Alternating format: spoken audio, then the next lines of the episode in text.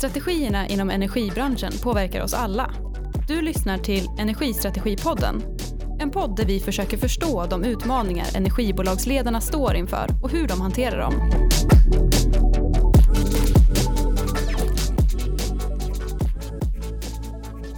Ja, hej, eh, välkomna tillbaks till Strategienergipodden. Eh, jag heter Niklas Sigholm och idag så har jag den stora äran att vara eh, tillsammans med Niklas Gunnar. Åh, vilken ära Ja. att få vara här. Ja, men Ja. eh, verkligen. Superkul att få ha det här samtalet med dig. Idag tänkte vi ägna lite tid åt att prata om strategi i energibranschen. Ja, det känns fantastiskt att få koppla av lite och prata strategi. Ja, eller hur? Eh, För att fylla ett hålrum som alla konferenser, frånvaron av alla konferenser skapar i detta corona-Sverige. Mm, hålrum och hålrum, ja ja. Ja.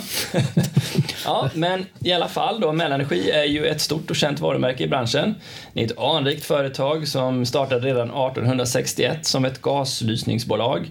Ni hade första elproduktionen redan 1906 i Svartån här mitt i Västerås och har växt så att ni nu har 150 000 människor som använder er el. Ni har en anslutningsgrad näst, nära 100 procent i Västerås Eh, och ni har även fjärrvärmenäten i Hallstahammar och Surahammar. Och förutom elhandel har ni då som många energibolag också elnät och fiber och vatten och energitjänster. Och vi kommer ju inte hinna prata om allt det där såklart, men Eh, ni har dock inte som vissa andra den lokala avfallshanteringen, för det ligger Det i bolag som absolut. heter Vafab, Vafab Miljö. vad för miljö? Ja, du, det är ett stort arv du sitter på, en bred verksamhet. Hur är det att överblicka en sån stor verksamhet varje dag? Eh, Det är en fantastiskt arbete. Alltså det, det, det är att, att, att, att vara ett företag som ägt av en stad som, som vill någonting är fantastiskt roligt. Det är lite hisnande ibland att titta på den typen av, av krutburk som, som, som vi sitter på. Det vill jag inte säga explosivt tekniskt utan det är ett kraftpaket som när det riktas åt rätt håll kan göra fantastisk skillnad. Eh, Så det är ett fantastiskt roligt arbete. Ja, det, det är svårt att eh, utveckla något i en stad utan att involvera i alla fall er här lo lokalt. Ja, men vi har ju verkligen gjort den resan egentligen hela vägen sen vi startade. Att, att arbeta tillsammans med staden. Vi är också en väldigt mycket teknisk stad. Vi pratar om att vi är energihuvudstaden i Sverige. Och det, är klart, det präglar naturligtvis även bolaget. Att, att, att utvecklas i en, i en sån miljö med, med naturligtvis ASEA då, nu med ABB och nu är de Bombardier, Westinghouse och allt vad de nu heter. Präglar naturligtvis vårt bolag. Alltså, många av oss kommer från den, de verksamheterna. Man har vandrat dit och kommit därifrån. Och vi var tidiga med tekniska innovationer som var naturligtvis symbios med den typen av industrier. Så det är klart att det präglar oss. Ja, och det har, varit, det har ju fortsatt med många nya etableringar i staden de senaste åren också. Absolut, vi har Northvolt här på slutet, men vi har också många nu som, som knoppar in mot de här stora företagen. Eh, De har knoppats av, delats. Där har naturligtvis Westinghouse till och med en, en, först en avknoppning från ASEA och just så vidare. Just det. det är väl nästan så, var man än vänder sig i Västerås så hör man alltid, ja det här brukar det ju vara ett ABB-bolag. Ja, och alla känner en ABB. Ja, det. så är det. Ja, men, men du då? Du, du är inte västeråsare? Jag är också ABB. Men Ja, du är också ABB-are. Ja, det har inte mig. jag kommer från Småland. Ja, det är de, det är de är från hög, jag är högländare. Är det så? Ja, så är det. Ja. Långt upp i bergen i Småland. Mycket gran. Och kom hit på grund av jobb eller Jag kom kärlek? hit på grund av ABB. ABB, naturligtvis. ja. Ja. ta med mig kärleken, hit. En magnet som detta ABB är. Så är det. Men du har varit länge inom, ja då energi, om man klassar ABB som energibranschen så har du varit länge nu i energibranschen. Då. Nej, men jag... Eller, eller arbetssamma liv i alla fall. Mm, kan man säga. Jag jag har gjort den klassiska resan, det var ett antal år på ABB och sen får man familj och då vill man vara med kvar på hemmaplan. Det är roligt, fantastiskt roligt att resa i världen på de här multinationella företagen. Men då vill man placera sig hemma och då tänkte jag att nu är jag några år hemma på hemmaplan med barnen är små. Eh, Och på den vägen är det. Numera så är barnen så stora som de tar körkort. Så att det har varit några år på Mellanenergi. Ja. Och, och du, har, ja, du har sett de flesta verksamheterna på Mellanenergi. Eh, Jag började på elnätsverksamheten, fantastiskt roligt. Sen blev jag överlockad till vatten och avloppssidan. Eh, Det var en utflykt på några år.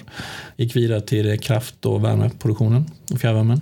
Eh, Och sen nu är jag vd sen ett och, ett, halvt- ett och ett halvt år tillbaka. Så du har varit på egentligen alla de stora nyttigheterna i bolaget som chef på ett eller annat sätt. Ja, inte fiber och elhandel, men snart kanske jag kommer dit. Vem vet? Ja, ja precis.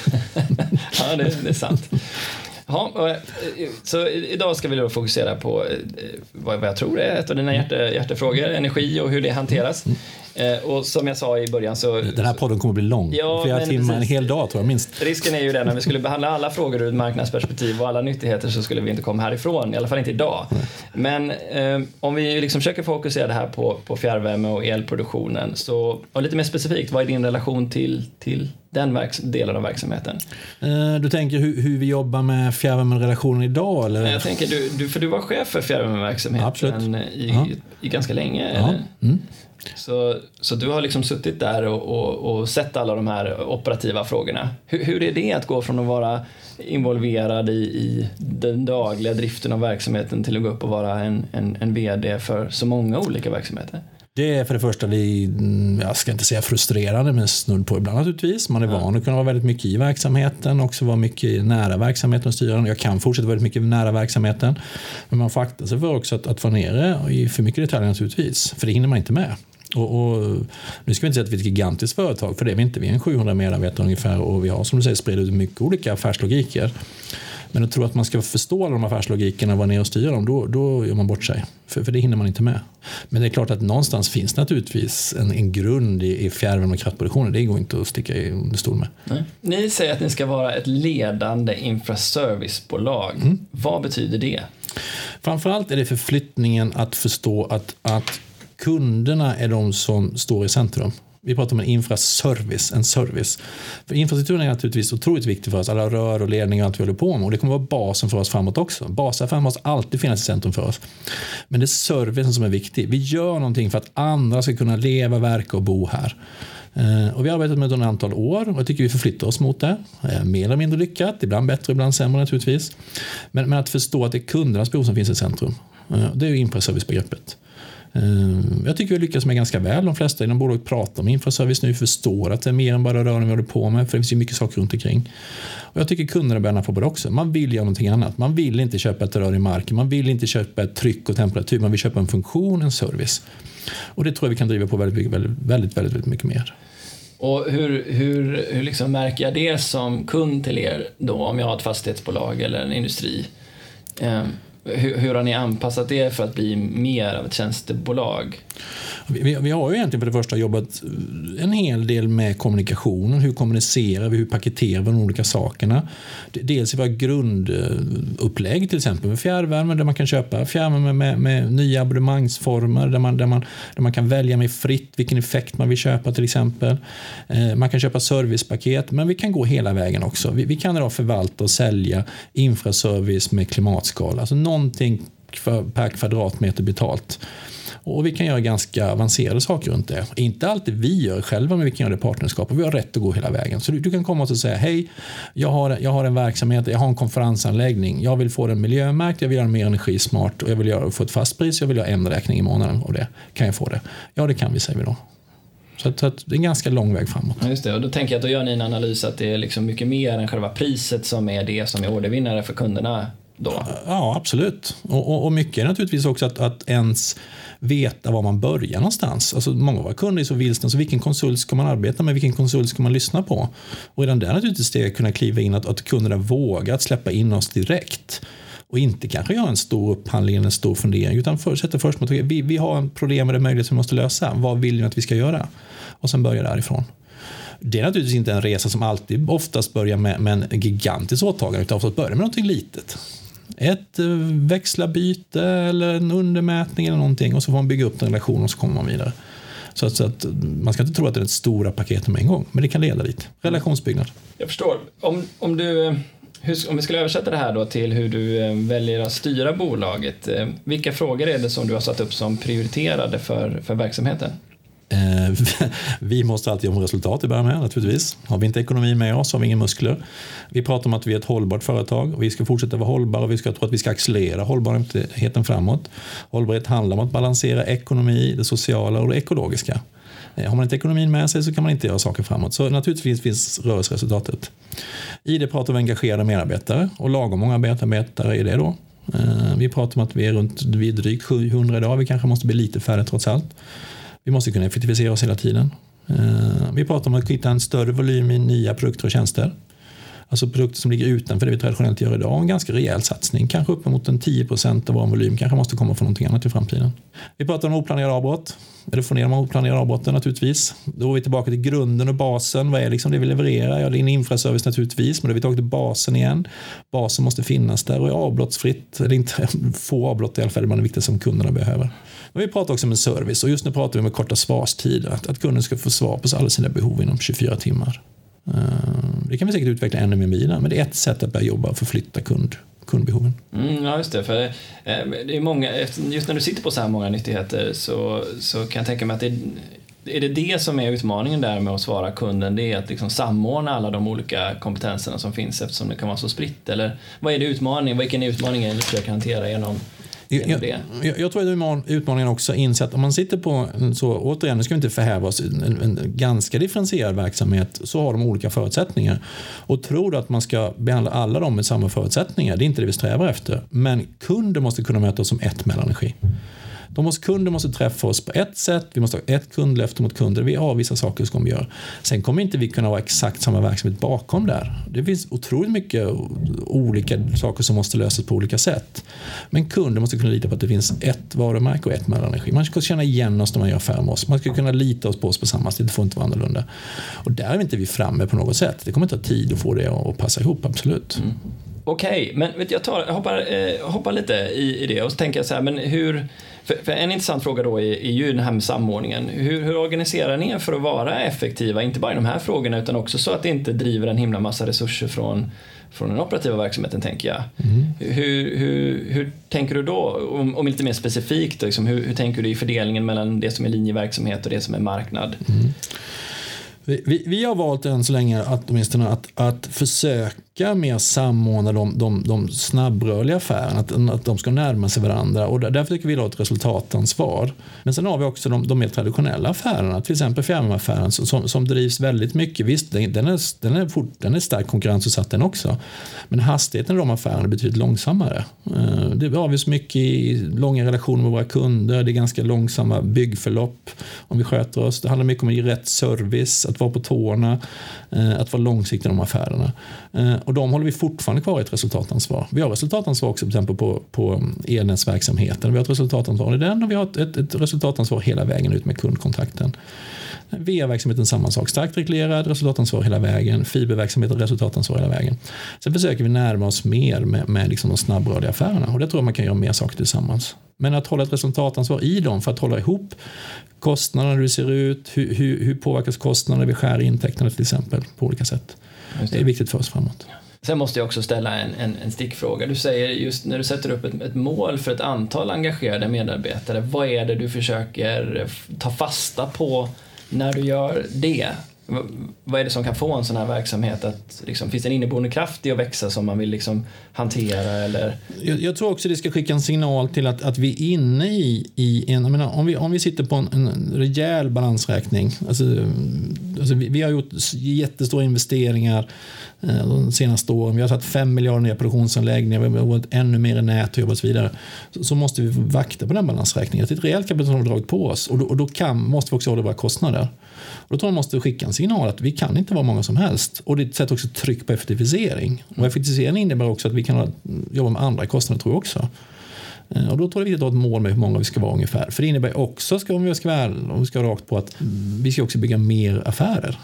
Och då måste, kan inte det ske kanske alltid genom att öka på oss. Och, vi måste kanske ställa, ställa om och säga att traditionella saker kanske måste jobba ännu mer med sin bemanning. För att den ska kunna frigöra resurser till att jobba med nya affärer.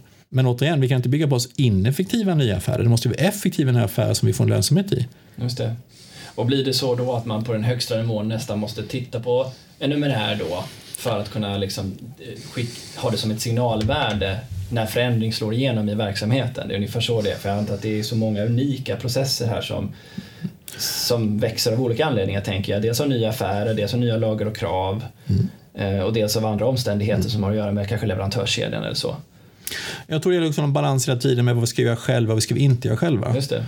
Alltså, så vi ser till exempel att, att ska vi göra en snabb förflyttning så finns det andra som gör snabbare förflyttningar. Om vi tar till exempel digitalisering som pågår mm. så tror jag att vi som bransch ofta varit, varit lite upplåsta att vi, vi kan själva, vi ska göra väldigt mycket själva.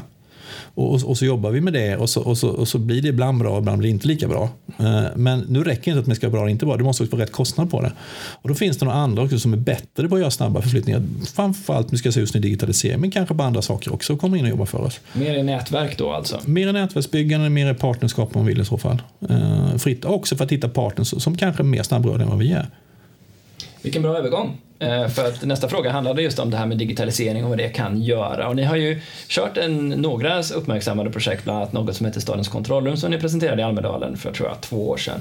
Mm. Hur ser du på liksom, digitaliseringens möjlighet för er verksamhet framåt och vilka är de utmaningarna ni möter? Jag kan säga, det vi fått riktigt fart tycker jag är internt hitta en del saker. Det finns naturligtvis alltid mer saker att göra, vi är nog bara i början på det absolut. Men, men att, att, att, börja med mycket interna processer har nog varit lyckat. Mycket administrativa processer som man inte tänker på tror jag, digitalisering i, i hur, vi, hur vi skickar räkningar och vi skickar saker internt och vi godkänner olika saker internt går att jobba jättemycket med. Eh, vi kan jobba också med liksom, i våra system, hur vi optimerar, vi kan jobba med underhållssystem som kan vara helt digitala som vi kan dra data ur och så vidare. Och så vidare. Så att jobba internt med det. Sen är vi på gång att jobba i kundgränssnittet eh, mer eller mindre lyckat. Alltså hur, hur kan vi bygga mina sidor, mitt mellanregi, mina sidor där kunderna kan jobba med, oss, jobba med oss hela tiden med sin data. Hur det ser ut, hur det ser ut i olika delar. Uh, och jag tror vi bara börjar för att kunna koppla in mer saker. Alltså, Om jag minns rätt så var mellanregi en av de första med att tillåta att man matade in på nätet exempelvis. Ja. Så var det. Det börjar bli ganska många år sedan nu. Ja, ja det börjar bli en gammal lösning. ja. Men den är ju fortfarande aktuell för fler nyttigheter. Absolut. Så är det. Ja, och, och som utmaningarna där då, vad, vad, vilka, vilka är de? Jag, jag, tror det finns några utmaningar. Dels så är, är, finns det en del rent juridiska utmaningar som inte får underskatta. Där, där körde vi på en del saker när vi jobbade med ståndskontrollen till exempel. Man får inte digitalisera hur som helst, man får inte klippa ihop vad som helst upp till, ut i samhället. Och det där gäller att vara bevaksam på så man förstår det. Att, att, att um, man får inte göra vad som helst med myndigheter och vem har rätt att göra olika saker. Och det ska man inte underskatta. Och man ska inte heller underskatta säkerhetsfrågan när man kopplar ihop olika system.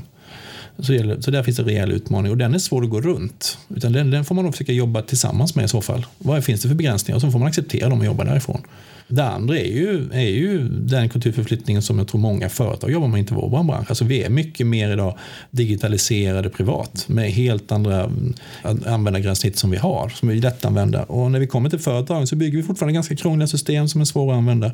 Och den tröskeln kommer vi inte riktigt över. Jag har ingen patentlösning på hur vi ska lösa det, men det är mycket av utmaningen, användarvänligheten. Får det funka. Vi har mycket lättare använda, mycket bättre användarvänlighet, privat än vad vi, vad vi har på jobbet. Mm. Ja, Eh, jag hoppar raskt över till en annan spännande fråga. Det är ju så vad jag vet. Att... Du menar att jag ska komma undan med den frågan på digitalisering på ett enkelt ja, sätt? Användarvänlighet? Ja, vi, okay. vi kommer nog tillbaka okay, okay, okay, okay, okay. Jag känner att det kommer lite väldigt ja, undan där. Ja, ja, men eh, det, kommer nog det här kan vi prata om förut, ja, Niklas. det vet jag. Så, det, det, det, finns mycket mer att säga om den frågan. Jag har ju ett visst hjärta för det här med digitalisering, som du vet. Jag tycker att det är viktigt. Men nu ska vi inte prata om det, utan det finns så mycket. Hade vi haft mer tid? Ja, du får komma tillbaka i flera poddar. Mm, många koppar kaffe. Mm. Eh, så här då, Västerås ska bygga ett nytt akutsjukhus. Eh, och åtminstone för något år sedan så var det diskussioner i media om att uppvärmningsformen skulle vara någonting annat än fjärrvärme. Yep. Man pekade först på ett akvifärlager, mm. men sen dess har det svängt tillbaks till fjärrvärme. Och ja, nu vet vi ju att många som sitter i liknande situationer där man har en ägare som, mm. som är gemensam inom det offentliga men att man ändå väljer att gå bort från, från fjärrvärme som produkt. Eh, hur löste ni upp knuten och vad är det viktigaste att tänka på för att få ihop affären ur ditt perspektiv? Jag, jag, tror att vi, då ska vi tillbaka till lite, lite, lite kanske lite kaxigt att säga. Där är infraservice otroligt viktigt. För att gå tillbaka till vad är det som är kundens kärna? Vad är det viktigaste för kunden? Och, och det här var det ju väldigt mycket att prata runt säkerhet med kunden att det var viktigt. Ett, ett oberoende var viktigt. Man ville ha egen produktion, man ville ha egen säkerhetslösning, man ville kunna ro sin egen grej, för det, det kändes säkrare. Det var egentligen inte en energifråga, en uppvärmningsfråga, en, en, en matningsfråga utifrån från kanske, ja, klart det fanns också runt energi om man vill sänka energiförbrukningen, mm. men i första hand var det en säkerhetsfråga. Mm. Och, och, då kändes det säkrare att ha en egen lösning som man kunde kontrollera. Då kändes fjärrvärmen osäker, den är fjärran, den är någon annanstans, någon annan som kontrollerar. Och där la vi väldigt mycket kraft på att visa att det här är säkrare än de egna lösningar som ni kan, som ni kan bygga. Alltså på, på, på pappret och den tekniska konstruktionen så ser det här självständigt ut. Men i fjärrvärmen så finns det en robusthet att vara i ett nät tillsammans med andra. Och framförallt över tid. För, för ofta kan vi hitta tekniska saker som byggs innanför fastigheter som på pappret och det första året ser, väldigt bra ut och väldigt säkert ut. Men vi vet ju som i branschen att våra anläggningar inte bara säkra det första året. De är säkra om 15-20 år också. Och det ska säga vad mycket av försäljningsdiskussionen tar sig. Hur löser vi säkerhetsfrågan? Hur kan vi vara säkra i leveranserna? Och det, det tror jag sen svänger runt i diskussionen med, sen är det typ naturligtvis vidare runt att det här är klimatbra och det finns en bra energilösning och det här är ett lägre klimatavtryck och så vidare. Men kärnfrågan var ju först att de inte var säkra på att, att det här skulle fungera säkerhetsmässigt. Och det var vi tvungna att visa. Och vi har jobbat med dem för att också till exempel visa att vi kan mata med separata delar. Vi har till och med testat olika saker för att övertyga om att det här är faktiskt en säker leverans. Alltså det var liksom, för vissa tänker man så att då, då, då tar de fram ett, ett eh, ett mätetal som är antal kilowattimmar per kvadratmeter mm. egenproducerat. Precis det, så I det här fallet så var det kanske inte sådana mätetal utan det var en kompetensfråga? De, de, de, de, fann, de fanns ju där också, finns där fortfarande, för diskussionen pågår ju fortfarande. Vi ska ju bygga ett regionsjukhus förhoppningsvis i Västerås och jobba vidare med det. Eh, men de finns ju där också och där kunde vi naturligtvis bredda ut den frågan också. Är det verkligen intressant att bara diskutera köpta kilowattimmar vid väg? Vi har, vi har ett system här bakom och då är det en skicklig kommunikation ska säga som, som pratar runt det. Att frågan kanske inte bara är köpta kilowattimmar utan hur produceras de här kilowattimmarna? De hänger i ett större system. När vi, när vi kan, när vi, nu, om vi kan jobba med fjärrvärme och kraftvärme så kommer den här värmen i köpet kommer också säkra upp elproduktionen i regionen eh, och det är någonting mer. Men, jag ska säga att, men, men den första punkten som var tvungen att lösas var säkerhetsfrågan. Är, är det här, är, de, de vill ha självständighet och det ska kännas säkrare. Okej, okay. ja, men alltså, det känns ju skönt att du säger att det är, liksom, att det är dialogen som löser ett sån, en, en sån fråga och inte priset bara. Nej, sen måste man naturligtvis hitta en prismodell som är attraktiv också. Där, där kunden känner att eh, till exempel med att man får lönsamhet på jobbet med, med sitt effektbehov till exempel. För, för det är också en diskussion som vi har haft att, att det kanske inte är kilowattimmarna per kvadratmeter utan det är kilowatten per kvadratmeter som kanske är intressantast. Och det är också en pedagogik. Men, men då kan man ju inte sen bara sitta att inte de får lönsamhet på det. Då måste de ju kunna få lite, lite billigare fjärrvärme genom att optimera sin effektförbrukning. På fjärrvärme till exempel. Mm.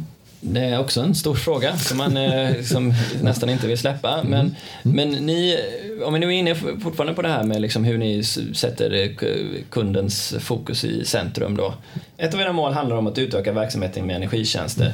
Mm. Och det som är intressant här för, för mig att få reda på det är, kanske förhoppningsvis också för lyssnarna, det är liksom vilken position du tänker dig att det ska föra med sig för Mälarenergi framöver. Du nämnde ju till exempel att det kan vara så mycket som 10% av omsättningen mm. framåt. Vad innebär den här strategin och, liksom, och vart, vart, hamnar, vart hamnar Mälarenergi då? Och hur, hur, kanske också då, liksom, hur ser den balansen ut mot lönsamheten? Mm. Nej, men om man tar bara från början då, så är man då, är man då en, som en ägare av Västerås stad som naturligtvis vill ha en avkastning av oss och de vill, de vill säkert ha en utdelning också. Eh, men i första hand så vill de nog att vi ska vara ett verktyg för att öka på hållbarheten. Och, och, om vi då säger att, att ska vi då skapa hållbarheten framåt eh, och jag börjar slänga mig, brukar slänga mig ibland med att, att eh, eh det finns inte tillräckligt mycket förnyelsebar energi så det räcker åt alla framåt. Om vi jobbar som vi gör idag, alltså vi måste förbruka mindre energi. Det, det säger alla. Vi kan gå till EU och prata direktiv därifrån. Vi kan gå många ställen vi vill. Vi måste konsumera mindre energi och då kommer vi. Mindre energi låter ju fantastiskt, men på oss innebär det ju mindre volym. Det går, ja, det, går, det går, inte att komma ifrån. Eh, och då kan man ha två förhållningssätt. Antingen så säger vi att okej, okay, då backar vi tillbaka och så jobbar vi med mindre volym och så skär vi kostnaderna allt vad vi kan för att hantera det. Och vi ska naturligtvis jobba med kostnader och skära med kostnader, absolut. Men vi kan också börja dra nytta och göra affärer på det. Alltså, varför ska vi bara sitta och vänta på att andra skär bort våra volymer? Det är bättre att vi hjälper kunderna att skära bort de volymerna och skapar affärer på det och förhoppningsvis en avkastning på det och, och kanske accelerera hållbarheten ännu mer och styr den också systemmässigt till rätt lösningar. Det borde gå att bygga. Det finns ett behov. Kunderna, kunderna behöver sänka sin energiförbrukning. Kunderna vet inte riktigt vad de ska göra och de har stort förtroende för Mälarenergi. Mm. Ja, för mig låter det som en affärsmöjlighet. Mm. Ja, men samtidigt så kan jag tänka mig att marginalerna i de här affärerna inte alls är lika attraktiva som i de, de liksom traditionella linjeverksamheterna. Nej, och då ska man naturligtvis lägga till att, att det finns naturligtvis också att jobba med. För man får också tänka på hur gör man hela affären. Affären kan ju också vara att, att vi funderar på att, att det här är en total volym naturligtvis. Det kan det är hur den då ska prissättas. Är, är, det, är det en fristående produkt eller en marginalförstärkare? Det kan man alltid diskutera. Och i vissa lägen så är det säkert mycket marginalförstärkare också. Mm. är... Men du var inne tidigare på att jobba mer i nätverk. Det du ser den här utväxlingen, det är alltså inte bara nödvändigtvis heller Mälarenergis egen regi, utan det är genom mm. nätverk av leverantörer i regionen då, eller? Ja, absolut. Både på naturligtvis leverantörssidan, för nu har vi väldigt mycket fjärrvärme känns det som, men det kan vi få vara en stund men, men, men, man kan också tänka sig att jobba med, som vi jobbar nu med, med, med solcellsproduktion, där vi försöker skapa lokala marknader. Lokala solcellsproducenter kan sälja sin, solcells, sin sol, solelsproduktion till lokala konsumenter. Eh, så att man kan jobba i partnerskap på den sidan, men också partnerskap på, på leverantörssidan. Alltså vi behöver inte uppfinna alla nya snygga digitala lösningar och alla nya snygga affärslösningar. Och vi ska framförallt inte vara leverera allting. Det finns de som är jätteduktiga på att bygga om VVS-system eller bygga om ventilationssystem eller där vi ska någonstans. Ja, för får man vara lite tuff så kan det ju vara en utmaning för ett kommunalt energibolag att slänga sig ut i en hårt konkurrensutsatt mm. liksom, prispressad, mm. snabbrörlig marknad. Mm. Jag tror inte vi ska vara där i stora volymer. Det är andra som är mycket, duktiga, mycket, mycket duktigare på. Och, och, då, och då ska man säga att då bygger vi också kakan större. För jag tror att, att om vi tar ett, ett lokalt VVS-bolag så har de svårt att ta en del storlek av affärer och förstå hur de ska göra den. Men tillsammans med oss så kan vi generera någonting som är bra för kunden. Okej, okay. då så. Då har vi förstått det. Då går vi över. Jag håller mig ju. Det, det blir ju en hel del fjärrvärme. Nu, nu sitter Niklas och läser på sin lapp. Han har ja, en fråga men, här. Ja, men, jag, jag fastnar hela tiden ah, okay. i att jag ska vara kvar. Ah, okay, okay, det här ballar ju ur. Försök. De här kommer ju aldrig Försök. bli 40 minuter långa. Eh, det är, det är ett mål. Jag säger som Trump. It's just a target. försök. Ja, försök. ja, men ni har ju också då bytt till effektabonnemangstaxa på fjärrvärmen mm. för två år sedan. Ja. Eh, vad, vad var orsakerna till det? För det är ju en väldigt viktig del av affärsmodellen. Mm, absolut. Vad var det som gjorde att det föll ut som det gjorde? Och, och vad är effekterna av det, som du ser det? Två huvudargument. Ett är kundargumentet återigen. Kunderna tycker jättebra om fjärrvärme. De tycker det är faktiskt ganska prisvärt dessutom. Men de tycker att de kan inte styra priset. De vill kunna påverka priset mer själva. Eh, då säger vi att ja, då får de göra det. Vi har då en effekttaxa, de kan välja själva vilket abonnemang de ska ha. De kan själva välja själva vilken risk de vill ha. De kan välja ett, ett, ett, ett, ett um, lågt pris på, på värme naturligtvis, men med hög risk. Alltså går volymen upp så kan de ha en, en låg volymenhet på fjärrvärmen. Går, går då volymen upp ett kallt år, ja, då får de betala jättemycket. Men det är klart, har de då en, ett, ett läge där, där de, har, de har ett varmt år så får de betala mindre för den. Mm. Så de kan välja själva väldigt fritt vad de vill sätta i den. Varför, varför varför är det viktigt? Det, för menar, det är ju inte något som är självklart i branschen ändå, att man, man tycker att det är... Men, men, men, om, men om kunden tycker att fjärrvärmen återigen är en schysst produkt, den är prisvärd och det enda de är emot den är att de tycker att, att prismodellen är för stel och de inte kan välja själva, då får vi låta dem välja själva. Så enkelt? Så enkelt. Okay. Uh, Vad mer då? Uh, sen naturligtvis då ska man inte vara dum då tycker jag då när man ska sätta upp den typen av valmöjlighet. Då ska man naturligtvis titta på vilka kostnader vi bakom den då. Och det är effekt, då vet vi ju att effekten är ju viktigare. Alltså, alltså, kan vi sänka våra effekter så slipper vi ha mycket av våra stora produktionsanläggningar stående standby och jobba. Alltså det finns, det, det, en spetslast naturligtvis att jobba med. Och det finns alltså en direkt korrelation mellan vilken effekt vi måste stå standby med och vilken effekt som kunderna behöver abonnera på. För det är det som vi jobbar med, att jobba med abonnemang. Och, då, och återigen då, då, är det, då är det bättre korrelation mellan effekten och våra anläggningar än vad det är mellan energin och våra anläggningar. Ja, nu talar vi för energibranschen så kan, ja, de kan skilja det. Och konkurrensen då? Eh, på de andra delarna? Ja, alltså säga att de vill komma, hur, blir det med konkurrensen? Tittar vi på den naturligtvis så, så, så, hade vi ett läge dessutom där vi hade en, en, en taxa som var egentligen flat, alltså samma kilowattimmepris året runt. Och då såg vi att vi fick in en del konkurrens i vår och höst i form av pumpar som kom in och prisade in sig egentligen i taxan. Uh, och det är klart, här har vi egentligen en, en taxa som vi återspeglar ganska väl några av våra konkurrenter i värmepumpar. Alltså vi har i princip samma modell, att, att så länge man håller sig under en viss effekttaxenivå så är det ett ganska lågt kilowattimpris. Går man över den nivån, ja, då är det ett högt kilowattimpris. Uh, och, och, det är ganska likt att vara konkurrenter i värmepumparna. Där att så länge pumpen funkar så är det ett lågt kilowattimpris. Går man över det så går det elspets och då blir det ganska högt. Så, att det, så att det är ganska lätt för kunder att jämföra med en sån typ av lösning och, och då ligger vi ganska bra till. Men det är ju, ni har ju ett stort nät, tänker jag. Mm. Att göra det här per timme är ju rätt mycket data att rodda. Ja. Hur har det gått? Det har gått bra. Inte utan svett, men, men, men vi har dessutom, kan vara medvetna om, haft avläsning på våra stora kunder under väldigt lång tid. Och, och, så att vi har jobbat med flödespremiestax väldigt lång tid. Så att det har inte varit ett jättestort steg att komma över. Men naturligtvis måste vi ha ett system som kvalitet, kan kvalitetssäkra mätdatan. För vi, vi håller koll på varje timme och prissätter efter det. Vad, hur har effekten blivit nu då, om du blickar tillbaka och tittar på... Nej, nej men tar vi det så har vi, vi har inte så jättemånga kunder om vi ska välja som går in och väljer själva utan vi, vi kommer med en rådgivning till kunden eh, och de flesta väljer att följa de råden då. Eh, och då har vi ungefär att det ska vara 70% bas och 30% spets ungefär lämpligt. Eh, vi har ju haft några lite varmare år nu och då ska vi vara medvetna om att det här abonnerar man på en effekt vilket gör ju att man får då betala egentligen lite mer då de varma åren också. För man får ha köpt in sig sin plats i våra spetsanläggningar. Och klart det gör ju att, att ja, vi plockar hem en del pengar extra de varma åren. Det jämnar ut våra, våra år med de varma och de kalla åren till viss del. Okej. Okay. Är du nöjd? Ja, det, det, det räddar väl första året någonstans 10-12 miljoner i alla fall det här året när vi har gått ner. Som vi annars hade kunderna som, alltså 10-12 miljoner i januari i år, alltså vi har haft jättevarmt. Som, som så att säga kunderna abonnerat egentligen ja. från, det, från det kalla året. Ja. Så att, eh, det är nyttiga pengar in de här åren. Och kunddialogerna fortsätter gå? Kunddialogen har jättebra ska jag säga. Vi hade när vi införde så hade vi en väldig turné. Alltså vi hade kunder som, som, som i taxan fick väldigt dramatiska höjningar. Och då ska jag säga, då är vi tillbaka till de energitjänsterna som vi pratade om. Där, klart, när vi går in och säger till en kund att är den nya taxan så får du en 30 i höjning av fjärrvärmetaxan, då är man inte jättenöjd. Men, men, men, men, är man där och pratar förebyggande och återigen då är där erbjuder sig att vi kan försöka sänka den förbrukningen, ja, då blir kunderna ganska nöjda så småningom.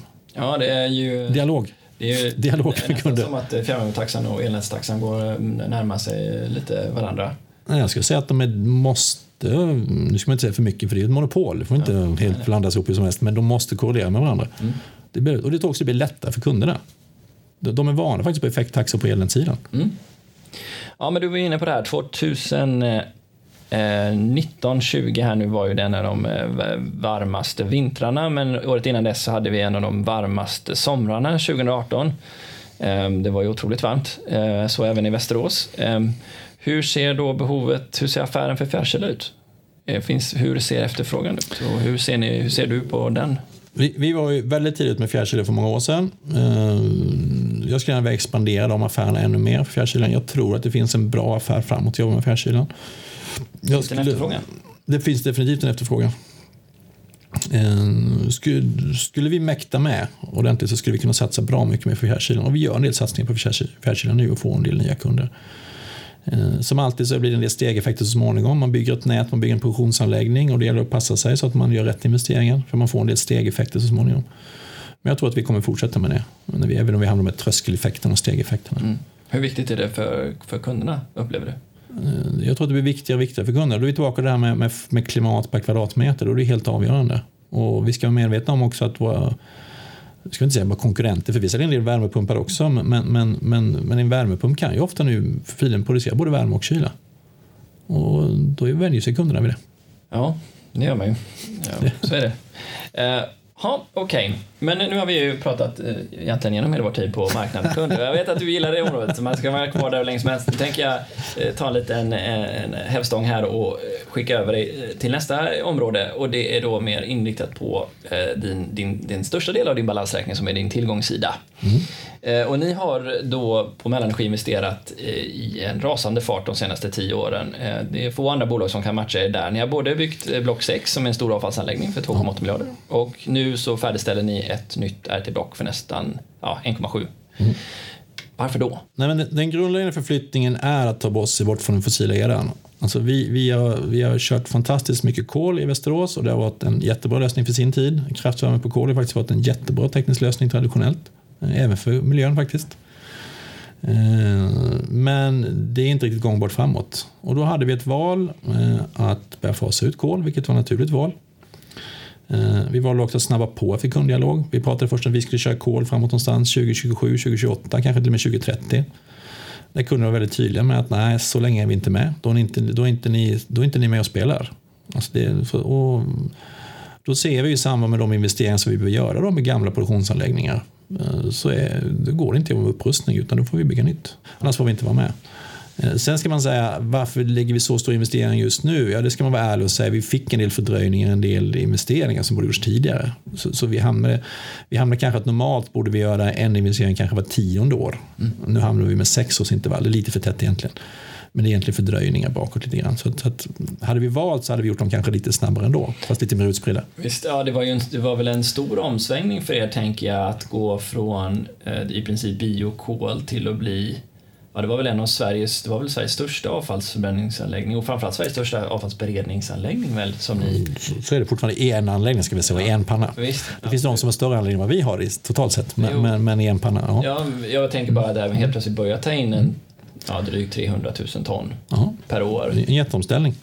Eh, avfall från en dag till en annan. Mm. Nu har ni kört det i, ja vad är det, åtta, sex, sju, åtta sex, år? Sex år. Sex år. Mm. Um, har, har den varit bra, den investeringen? Ja, det har den ju totalt sett. Sen har, inte den varit, sen har det varit en utvecklingsresa i det. Alltså, det vet ju alla att gör man en ordentlig investering så blir inte allting helt rätt från början. Vi har gjort en del justeringar och kompletteringar i det. Och, och, och, men totalt sett har det varit en jättebra affär för oss. Um, avfallsmarknaden har ju direkt inte det beror på hur man ser det, blivit sämre eller bättre. Det finns ju inte mindre avfall i Europa nu än det fanns för sex år sedan, snarare tvärtom. Och det gör naturligtvis att mottagningsavgifterna stiger till exempel. Då. Ja. Uh, världen har ett avfallsproblem och det, det, tar vi lite betalt för att lösa. Med stolthet tycker jag vi ska göra. Så, så det har ju helt förändrats. Å andra sidan så har elpriset gått lite åt andra hållet. Framförallt i år. Så att, så att, men totalt sett har det varit en vettig förflyttning, absolut. Är, är avfall en resurs eller är det ett problem för samhället som du ser det? Nej, avfallet är en resurs att jobba med. Men, men det innebär inte att vi ska producera mer avfall. Först ska vi börja med att minska avfallet så mycket vi kan. Men det som blir kvar som blir en resurs, resurs faktiskt. Mm. Jag drog på det svaret hörde jag det. Mm, det, skulle, ja, mm. ja, det är spännande att höra hur, hur du resonerar. Eh, ni valde också, kan man nämna då gäller din anläggningsstrategi, att satsa på ett, ett block eh, nu för när ni byggde sjuan. Ja. Eh, och, och, och, det har ju också varit lite olika hur olika företag har resonerat. Hur, hur kommer det sig att ni landade i att också lägga på kraftvärmen, att det blev kraftvärme? Elproduktionen. Ja, men våra bedömningar då och är ju fortfarande även om den här vintern ser inte helt fantastisk ut om vi säger så, är ju att långsiktigt kommer vi ha ett pris som motiverar att bygga en elproduktion. Och det står ju fast vid fortfarande. Alltså, de elpriserna vi har idag är inte hållbara på något sätt. Då, då kommer vi väldigt dåligt med elproduktion i Sverige i framtiden. Den är, den är kraftigt underprisad just nu. Men sikt kommer vi ha en elpris som, som motiverar ett, kraftvärmeblock. Mm. Ja. Ja, det var där intressant för några år sedan, där där stod ju verkligen företagen och stampade. Absolut, och vi stod också i, i, det var också väldigt mycket diskussioner i styrelsen om vi ska satsa på ett kraftvärmeblock eller inte. Mm. Men där var styrelsen väldigt tydlig så småningom. Man, man trodde på samma elpris framåt. Mm. Ja, jag ska börja bli sugen på att få förutspåelser. Men, det, men det, är, du är inget orakel, det, det, det, så mycket vet jag. Men, men ja, det blir jätteintressant. Nej, det, är Nik, det är Niklas som är orakel. Ja, precis. Um, Okej, okay, men, men det här då, hur ser, som generell, mer generell fråga då, hur ser den här utvecklingen ut eh, framöver då? Hur viktig, hur viktig är flexibilitet för att vara långsiktigt konkurrenskraftig på Eftersom bränsle är en sån otroligt viktig del i det som blir lönsamhet till slut. Nej, men det är därför vi väljer till exempel att köra ett, ett returträblock. För det skapar mer flexibilitet. Alltså det skapar till andra typer av bränslen. Vi tror på bränsleflexibilitet framåt. Ehm, det enda vi kan vara säkra på tror jag att det blocket som vi bygger nu kommer inte elda samma sak när vi fasar ut det blocket som det gör när vi startar blocket. Ehm, och då tror vi med en, att bygga en flexibilitet, eh, till exempel med en bra rökgasrening. Så, så att ehm, det behövs absolut byggas flexibilitet. Och, om man då kommer in, för det är ju inte få bolag utan avfall har ju blivit större i svensk liksom, fjärrvärmeproduktion generellt sett. Plasten i avfallet? Plasten. Du, vad är din relation till den? Plast, och, och min, relation, min, min relation till plast. Ja. Jag köper så lite plast jag kan. Ja, ja men det är ju bra. Privat. Framförallt inte till flånstekpannor, det köper jag absolut inte. Nej. Du har fått en ganska stor kostnad, precis som alla andra energibolag, i form av den nya avfallsskatten som mm. introduceras nu de kommande åren. Ja. I allt. Det är en rätt stor del av, av den totala den totala kostnaden eller intäkten för, för bränslet. Hjälper den? Nej, den, den plastskatt vi egentligen fick nu då, för det var det det blev egentligen då, eh, hjälper ju inte. Den har ingen styreffekt. Eh, Vad händer? Det, ja, men det vi försöker naturligtvis är att, är att för det är inte en plastskatt, det är en, det är en avfallsförbränningsskatt. Då. Den, vi puttar den naturligtvis över till våra kunder, alltså våra avfallskunder. Eh, där vi då lägger naturligtvis på den här skatten uppströms. För annars får det ingen effekt alls. Den, den handlar ju om avfallsminimering på något sätt. Eh, tror jag man menar när man införde den. Så antar jag att den, det är så jag har fått den förklarad för mig. Och då måste det naturligtvis läggas på så våra kunder så mycket vi kan, alltså avfallskunderna. Eh, I ett ökat mottagningsavgift. Och, och det är det vi gör generellt. Vi lägger på den som en ökad mottagningsavgift. Det är där den ska vara. Det går naturligtvis inte fullt ut. Importbränslet är jättesvårt att lägga på de här. Det är andra, andra konkurrensdelar som jobbar med. Men det är där det måste hamna. Men, men den här har inte en styrande effekt och, och ska man få en styrande effekt så måste man jobba mer uppströms med avfallet. Och man måste också jobba uppströms med avfallet i till exempel plastinnehållet som idag är mycket fossilt oljebaserat. Det, det, när det är väl hos oss, tror jag, alla som besöker oss i vår bunker och tittar och tar emot så inser man att, att, när väl det ligger osorterat där och finns där, då är det bästa vi kan göra det och kraft och värme av det. Mm. Eh, sen kan vi naturligtvis vara duktiga och behjälpliga hur man ska jobba med det, vilket bränsle man ska ha. Men, men vi vill ju krasst ha så dåligt bränsle som möjligt. Det är där vi ska vara. Vi ska ju inte använda saker som, inte någon, som någon annan kan använda. Nej, precis. Och då tänker du att plast har lite för högt energivärde egentligen, eller skulle kunna användas till annat? Då? Det skulle både gå att återvinna mer, helt övertygad om. Vi har den fantastiska anläggningen Motala som vi samarbetar med som kan öka på materialåtervinningen. Uh, inte fullt ut. Uh, vad jag har hört sist är det ungefär hälften som, som kan materialåtervinnas och hälften går tillbaka. Och då, och då, kan man fråga sig varför då, då borde vi göra kraft och värme av det. Mm. Jag har utmanat att säga att, att vi har en av världens mest sofistikerade avfalls anläggningar som gör kraft och värme. Eh, vad ska man göra bättre av de här plastmaterialen? När det både har manuellt sorterats, material återvinnas, körts till Motala för att plast återvinnas och 50% blir kvar. Vad ska man göra då om man inte gör kraft och värme av det? det? det? finns ingen bättre plats. Så du menar att den här kritiken som kommer mot energibranschen om att ni gör det för lätt för avfallslämnare att bli av med, med, med fossil, fossilt bränsle till er? Då säger du att Vänta nu. Då borde de komma först och besöka oss och se hur lätt det är. Det är ganska svårt att göra sig av med avfallet till att börja med. Så det är ganska avancerade anläggningar vi har. Och de kan ta emot väldigt mycket saker och det vi ska klara av. Eh, jag tycker också faktiskt att vi har höjt mottagningsavgifterna ganska kraftigt. Och där ska jag säga att redan idag så har vi en styrande effekt. Alltså med, med de nivåer som, som, som vi ligger på idag så, så har det redan en styrande effekt till att jobba med materialåtervinning. Och du, det lät på dig som när du sa att... Eh, nu blir jag oemotsagd här hör jag. Vi har haft någon annan att debattera med. Nu ska ja. säkert någon annan säga någonting ja, helt annat. Vi får, det får bli en, en utveckling, ja, en utveckling av, den här idén. Ja. Liksom. Du får bjuda in någon till som kan debattera med dig. Så jag hanterar det. Um, men det låter som att du tror att avfallen är här, avfallet är här för att stanna i alla fall. Det finns sådana volymer just nu att du, du ser ingen avmattning eller beskattning som just nu skulle kunna ta bort de strömmarna som behövs för att försörja svensk energi. Nej, inte, behövs, in, behövs, in, in, tyvärr inte ska jag säga inom överskådlig tid. Alltså vi, har, vi har väldigt mycket avfall i samhället. Man skulle önska att det var så, men inte vad jag ser idag. Jag upplever också att det finns en ganska liten förståelse all, hos allmänheten om just hur mycket avfall det finns. Ja. Det är mer än man vill veta. En sån här reflektion jag hade från Almedalen förra året. Jag gick runt och lyssnade på en massa frågor om, om problem i samhället och så kom man till en som handlade om att vi har, vad var de sa, typ 140 miljoner ton avfall mm. i Europa mm. som vi liksom inte hanterar. Nej, det går inte att ta in överhuvudtaget. Nej, nej, jag vill inte se den högen. nej. Jag, jag, tror också att många inte inser hur snabbt en vara går från, från att vara en vara till att vara ett avfall. Alltså vi, vi pratar om dagar och veckor. Jag, jag, tror inte de flesta av oss inser snabbt vi, vi köper någonting i, i en butik tills det hamnar hos oss. Det, det är inte särskilt snabba, rätt långa cykler ut i samhället innan de kommer till oss. Tror du att den här krisen kan påverka den? den? Det, det gör den redan. Vi ser ju minskade avfallsvolymer som kommer in till oss. Så det gör de redan. Hur ser den logiken ut? Är det, är det... Vi, vi, konsumerar mindre i samhället just nu. Vi har väl inte den möjligheten just att konsumera. Det gör 15 procent mindre avfall in på regional nivå. Och vad, vad, vad, tror du? Tror du att vi kommer glida tillbaka till samma gamla beteende som vi hade innan? Eh, pre-corona, efter post nu, nu är jag ju väldigt mycket pri-hållbarhet och grönt, alla som känner mig vet det. Och jag skulle önska att vi inte gjorde det, men jag tror inte det. Jag tror att vi kommer glida tillbaka till exakt samma konsumtionsmönster, tyvärr. Mm. Ja, får hoppas att Åtminstone på kort sikt. På kort sikt, ja.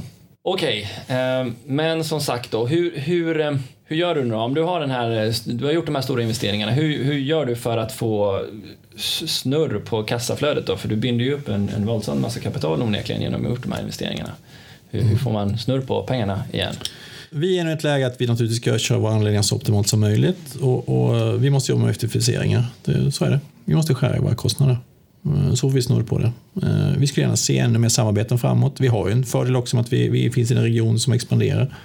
Vilket gör att vi får fler kunder och vi kan avsätta en del extra volymer. Mm. Eh, men det finns ingen magi i det. Det är klassiska effektiviseringar och hitta rätt, rätt nivå på kostnader. Mm. I, alla, I alla led, ska jag säga. Ja, jag tänker så här, då är, ju, då är det så ofrånkomligt att komma in på det här med automation och, och digitalisering i verksamhetsnära anläggningar. Mm. Är, är, är det en grej? Eller är det överskattat? Eller hur? Nej, jag tror det är underskattat effekter man kan få. Och nu ska jag direkt prata lite frustration. Vi, vi borde komma snabbare framåt automa, automatisering och digitalisering. Det, så är det absolut. Jag tror vi underskattar hur mycket, vilken effekt vi kan få. Ja, men du som ändå varit i flera branscher då, eller i alla fall eh, varit på ABB tidigare, liksom, vad, vad är, hur, om du jämför mellan, klass, mellan liksom tillverkningsindustri och energibranschen, hur, hur tror du att det ser ut i de här? Det började ganska många år sedan som jag jobbade i pappersbruk, men, men, men, men där var ju redan då, för, för en 15 år sedan, automatiseringshöjden extremt mycket högre. Mm. Och man drog nytta av det. Mm. det och naturligtvis var det en bransch som nu är, har gått igenom ännu mer konkurrens som de har jobbat med. Men, men har börjat jobba. Och då, då pratar vi inte bara om att, att köra stora maskiner automatiskt. Vi pratar även digitala system i lagerhantering, reservdelshantering. Alltså administrativa saker som går att automatisera och digitalisera. Mm. Produktionsoptimering, mm. få mer analyser framåt som, som presenteras automatiskt. Mm. Ja, vad, vad är... Så rent tekniskt kanske finns utmaningar, vad, finns det organisatoriska utmaningar och utmaningar också? Kanske på självskrivet då? Ja, men, vilka är de snarare? Nej, jag tror inte det finns någon hemlighet där. Det är vanliga. Det gäller att hitta rätt personer med rätt kompetens och att, och att det är att hitta rätt partners. Alltså vad ska man göra själv och vad ska, vad ska man inte göra? Ja. Uh, få hitta en rätt volym i det. Men det är tillbaka till kompetens. Hitta rätt kompetens. Okay. Så att, som i, om man tänker liksom det är en expansion på marknadssidan och det är ett kostnadstryck på produktionssidan mm. för att sammanfatta liksom, läget. Mm. Det är ju rätt klassiskt i och för sig då, men men det, det, tycks vara, vara drivet av liksom ett behov av investeringar som gör att du måste hitta sätt att, att snurra de investeringarna mycket, mycket snabbare. Mm. Och säkra upp den affären genom... Ja, och då tror jag, om vi pratar organisatoriskt, att det är svårt att kombinera det fullt ut. Alltså det, är två, Visst finns det, det konflikt där i? Det finns en väldig konflikt i hur man organiserar de två sakerna. Där det ena handlar om väldigt mycket att göra saker Eh, väldigt kontrollerat, lite bättre dag för dag, eh, springer på saker, hela tiden förfina, förfina, förfina, förfina, optimera. Och, och, och där, där, där marginalen ligger väldigt mycket på de sista procenten eller halvprocenten. Alltså det är en väldig skillnad. Och det andra hade väldigt mycket om att vara kreativ, bygga nya affärsmodeller, våga ta riktiga steg, våga, våga våga pröva nya saker, våga, våga pröva nya saker som man sen snabbt avslutar om de inte fungerar. Och det är två väldigt olika sätt att styra på. Ska jag säga. Ja, så, att, så, att, det är svårt att hålla ihop dem där under exakt samma paraply. Ja, för, för, det är ju en, viktig, en del av den strategiska processen. Det är ju hur du kan gå från de här övergripande målen där du har de här målkonflikterna inbyggda, å ena mm. sidan tillväxt och å andra sidan besparing. Hur, hur jobbar ni för att liksom säkerställa att den här strategin landar rätt så att säga, så att den bryts ner på rätt sätt i organisationen? Vi, vi, har ingen, vi har ingen magi i det heller. Vi jobbar naturligtvis med strategisk plan som de flesta av oss, men sen har vi också med målnedbrytning. Eh, vi är inne i en utvecklingsfas just nu med att, att kräva av en, en, en längre strategisk, lite slash taktisk plan av de olika affärsdrivande enheterna, alltså så man får äga sitt eget resultat. Så, ni, så de får göra det liksom från någon form av, av grundbult ja. när ni säger vad koncernen ska göra, så utvecklas vi, vi är inne i det arbetet just nu, ska jag säga. Vi, vi är inte färdiga på något sätt. Men, men, men att, att, jobba med strategisk plan, vart vi ska på väg, vad som är viktigt. Framförallt för också att, att med de gemensamma resurser vi har, alltså med verksamhetsutveckling, resurser och, och alltså, IT-system naturligtvis ska utvecklas. Så de förstår att det här behöver vi ute i, i de affärsdrivande delarna. Men också då att de affärsdrivande får äga sitt resultat och sin plan framåt ganska mycket. Vad är det för mål de behöver sätta upp och vad behöver de, vad behöver de leverera? Naturligtvis en kravställning från oss, från, från koncernmässigt. Men låter det som att du är inne på en decentralisering av liksom, analysen? Ja, alltså, alltså jag, jag, tror att utvecklingen kommer gå för snabbt framåt. Tiden är förbi, man kan sitta längst upp. Vi var, vi var inne på när vi började prata här, liksom, att jag tror att man ska greppa hela verksamheten själv och sitta i någon form av övergripande liksom, topp och förstå hela affären och hinna med hela affären tror jag förbi. Vi, vi pratar jättemycket om självledarskap och chefer som, som kan måla upp bilden för sin verksamhet där de är. att de ska ta någonstans med sina grupper. Det låter lite floskligt, men, men självledarskapet kommer vara helt avgörande för oss framåt. Smarta medarbetare som fattar mycket egna beslut. Naturligtvis till en målbild som vi är överens om. Men, men ledningens tid är förbi när vi tror att ledningen ska sitta och tänka ut en massa sak, smarta saker i toppen och sen ska det, liksom det exekveras neråt. Det kommer vi inte ha tid med.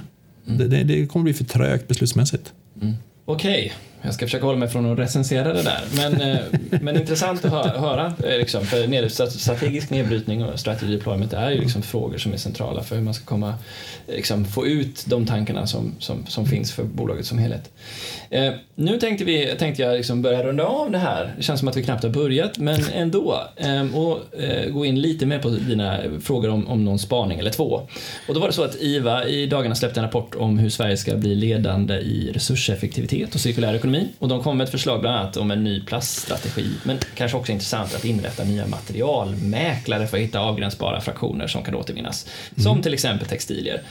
Vad tror du om, om, om det? Liksom, tror du det finns massa fler roller inne i? Alltså, nu har jag för första inte läst den här IVA-rapporten alls. Jag, jag ger mig säkert upp jättedjupt vatten just nu. Jag, jag, är lite fundersam att prata om alltså, hitta nya materialmäklare. Alltså, jag är väldigt mycket en, en, en marknadsdriven människa. Alltså, jag tror finns det ett behov av en materialmäklare så dels finns de redan här. Alltså, vi har ett antal, utan att nämna några namn, alltså, materialhanterare som jobbar med att placera material där de gör bäst nytta. Redan idag så jobbar vi med våra avfallsbolag, även våra kusiner som vi precis pratade om med Varför miljö, om att hitta material som går att få betalt för och sätta tillbaka i materialutvinningen. Det är en form av materialmäklare kan vi säga. Då. Eh, men jag tror att det kommer att uppstå nationella materialmäklare.